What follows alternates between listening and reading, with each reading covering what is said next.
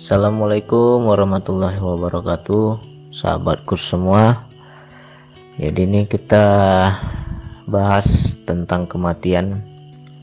Memang harus sering-sering kita cerita Kita ingat-ingat Karena kita nggak pernah tahu. Mungkin hari ini kita bisa bercerita Besok kita dari panggil Allah nggak tahu kan? Jadi harus sering-sering kita ingat kematian Biar apa biar kita tahu di dunia ini nggak selamanya. Biar kita bisa menyiapkan bekal kita ya.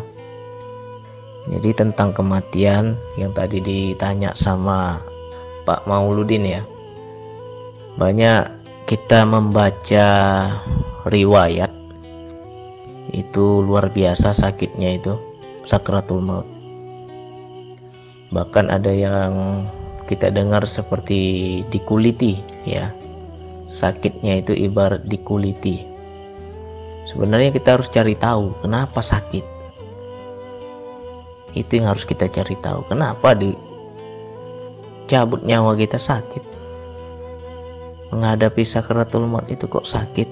Sebenarnya itu yang harus kita cari tahu jadi banyak juga yang hadis yang mengatakan apabila kita sempat menyebut kalimat tauhid la ilaha illallah maka orang tersebut akan kusnul khotimah. Sebenarnya nggak bisa. Kalau ditanya ilmunya apa bang? Biar kita bisa menyebut ya nggak bisa. Nggak ada ilmunya. Tergantung sikap berserah kita. Karena apa pernah saya itu mengalami dalam zikir nafas. Pelajaran sakratul maut. Ya. Jadi lagi DN naik itu dayanya kan. Dari kaki naik ke lutut naik lagi ke pinggang naik lagi ke dada. Ah, sampai dada tuh kayak meledak rasanya itu. Habis itu sampai naik lagi ke kerongkongan. Nah itu udah nggak bisa bernapas saya. Apa yang terbayang di situ Mana ingat lagi kita sama Allah? Kenapa rasa takutnya itu luar biasa? Aku belum siap ya Allah, aku belum siap ya Allah. Itu yang terucap dalam hati saya. Kenapa? Apa yang paling kita cintai itu yang muncul. Terbayang wajah istri, terbayang wajah anak. Akhirnya saya berkata dalam hati, "Ya Allah, aku belum siap ya Allah." Yatim anakku nanti ya Allah. Ya Allah aku belum siap ya Allah. Janda nanti istriku ya Allah. Itu yang muncul. Gak sempat kita menyebut la ilaha illallah. Mana sempat akhirnya apa? Semakinlah leher saya itu ditarik tapi nggak ada tali. Seolah-olah ada tali tapi nggak ada talinya.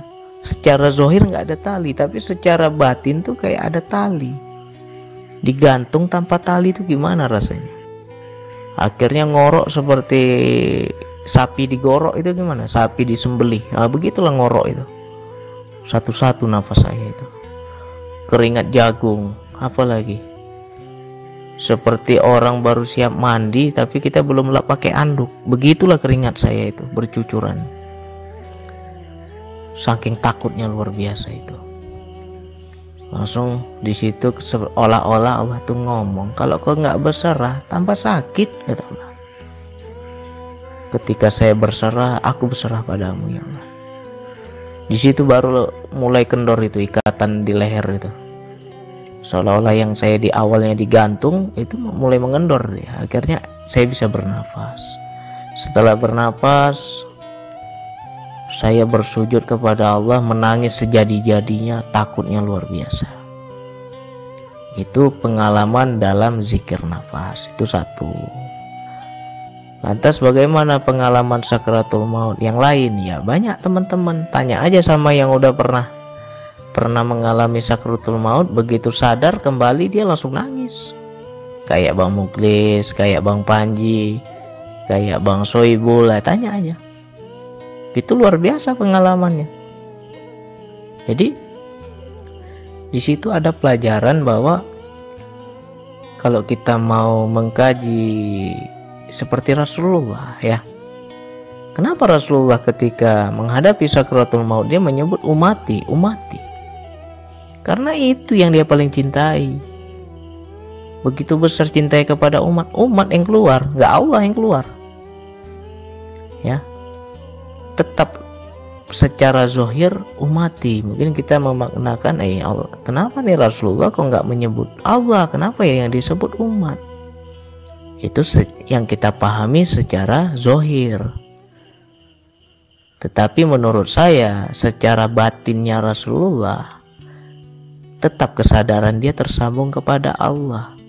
Ya Allah kalau aku mati bagaimana umatku ya Allah? Mungkin begitu kalimatnya Ya tetap Allah nomor satu umat nomor dua. Cuman yang terdengar oleh para sahabat Rasulullah menyebut umati umati. Nah itu yang paling kita cintai itu yang muncul. Jadi apakah ada ilmunya biar kita nggak sakit dalam sakaratul maut? Menurut saya ya itu tergantung keberserahan kita kepada Allah. Ya jadi jangan banyak riwayat kita dengar sakit sakit sakit. Menurut saya banyak kok orang yang meninggal nggak sakit. Tidur dia mati. Ya kan? Lantas kenapa ada yang senyum? Ada yang wajahnya ketakutan? Nah di situlah kalau kita mau membaca kusnul khotimah dengan tidaknya. Makanya kalau kita ada keluarga kita yang menghadapi sakratul maut, dampingilah. Kita jangan lari, jangan takut. Justru di situ kita harus belajar karena kita bakal ke situ nanti. Kalau ada teman-teman kita, apa saudara kita, kerabat kita, keluarga kita menghadapi sakratul maut, langsung tungguin di sampingnya. Lihat prosesnya seperti apa lihat reaksi pada jasadnya itu situ ada gambaran ya. Kenapa ada orang yang meninggal kaku? Nggak bisa ditekuk. Kaku tegang. Ya itulah karena begitu kasarnya itu dicabut gitu ya. Jadi ibaratnya gini loh kita udah ditarik tapi kita masih pegangan. Ya makin kuat ditarik. Tapi kalau kita lepas kita mau kita ikut kita berserah ya nggak nggak keras lah ditarik lah. Mengapa ada yang wajahnya ketakutan ada yang wajahnya tersenyum? Di situ kita bisa melihat.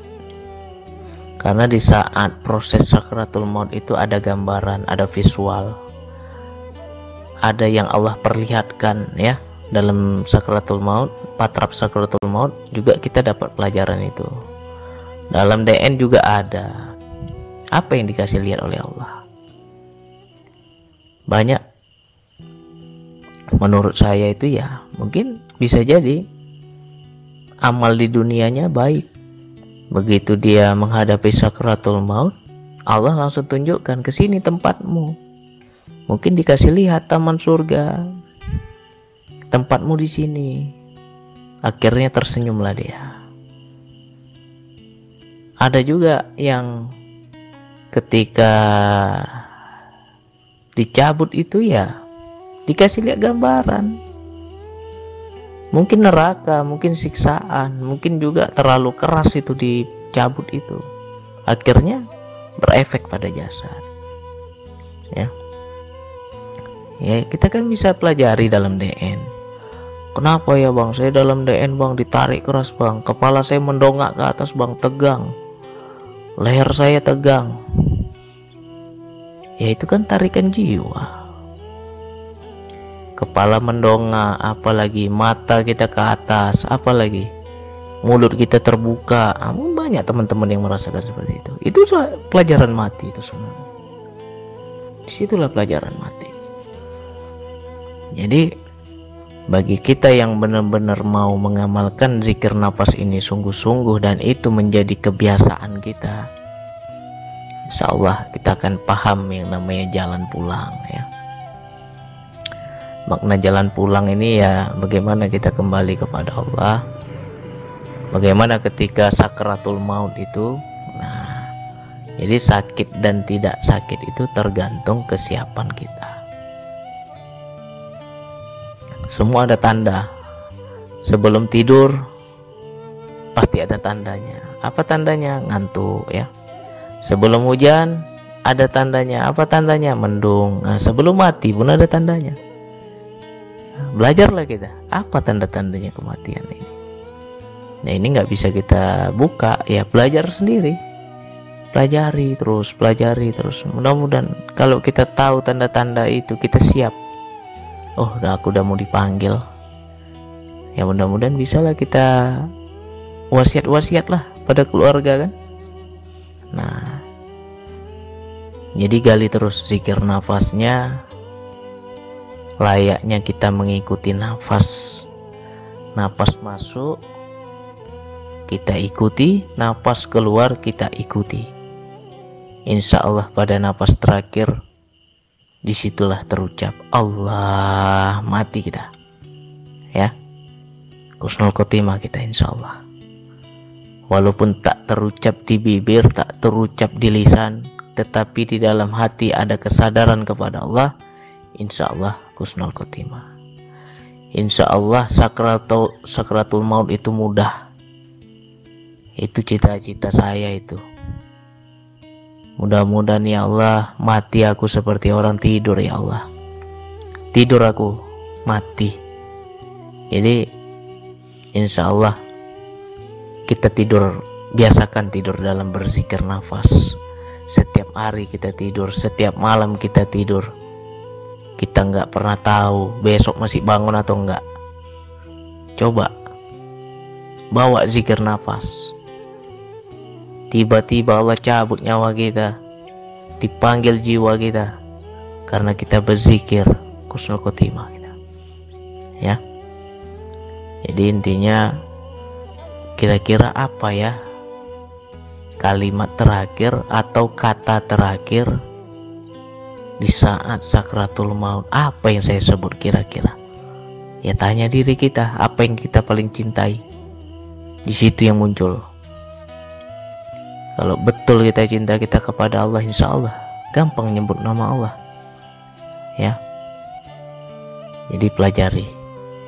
Kalau belum mati ya belajar dari orang yang duluan mati ada saudara kita kerabat kita saksikan lihat gimana tegang nggak badan dia kalau tegang itu sakit kali dicabut itu berarti dipaksa itu berarti belum siap berarti tidak kusnul khotimah tapi kalau lunak dia, lembut jasadnya, tersenyum dia, wajahnya cerah, wajahnya tanpa beban. Itu kusnul khotimah. Tapi kalau wajahnya menakutkan kayak orang keperihan, menahan sakit. Ya itu anulah bukan kusnul khotimah itu. Di situ banyak tanda-tanda rahasia. Ya mudah-mudahan kita layaknya kita tidur ikuti nafas mati mudah-mudahan teman-teman bisa seperti itulah saling doakan lah. Mudah-mudahan kita orang-orang yang berzikir nafas ini kusnul khotimah semua. Karena kita sudah terbiasa mengikuti nafas. Nafas masuk hu nafas keluar Allah mati kita. Ya. Jadi dari sekarang kita belajar kalau ada di kampung kita di sekitar kita coba pelajari. Jangan takut. Karena kita juga akan ke situ nanti sekian dari saya. Wassalamualaikum warahmatullahi wabarakatuh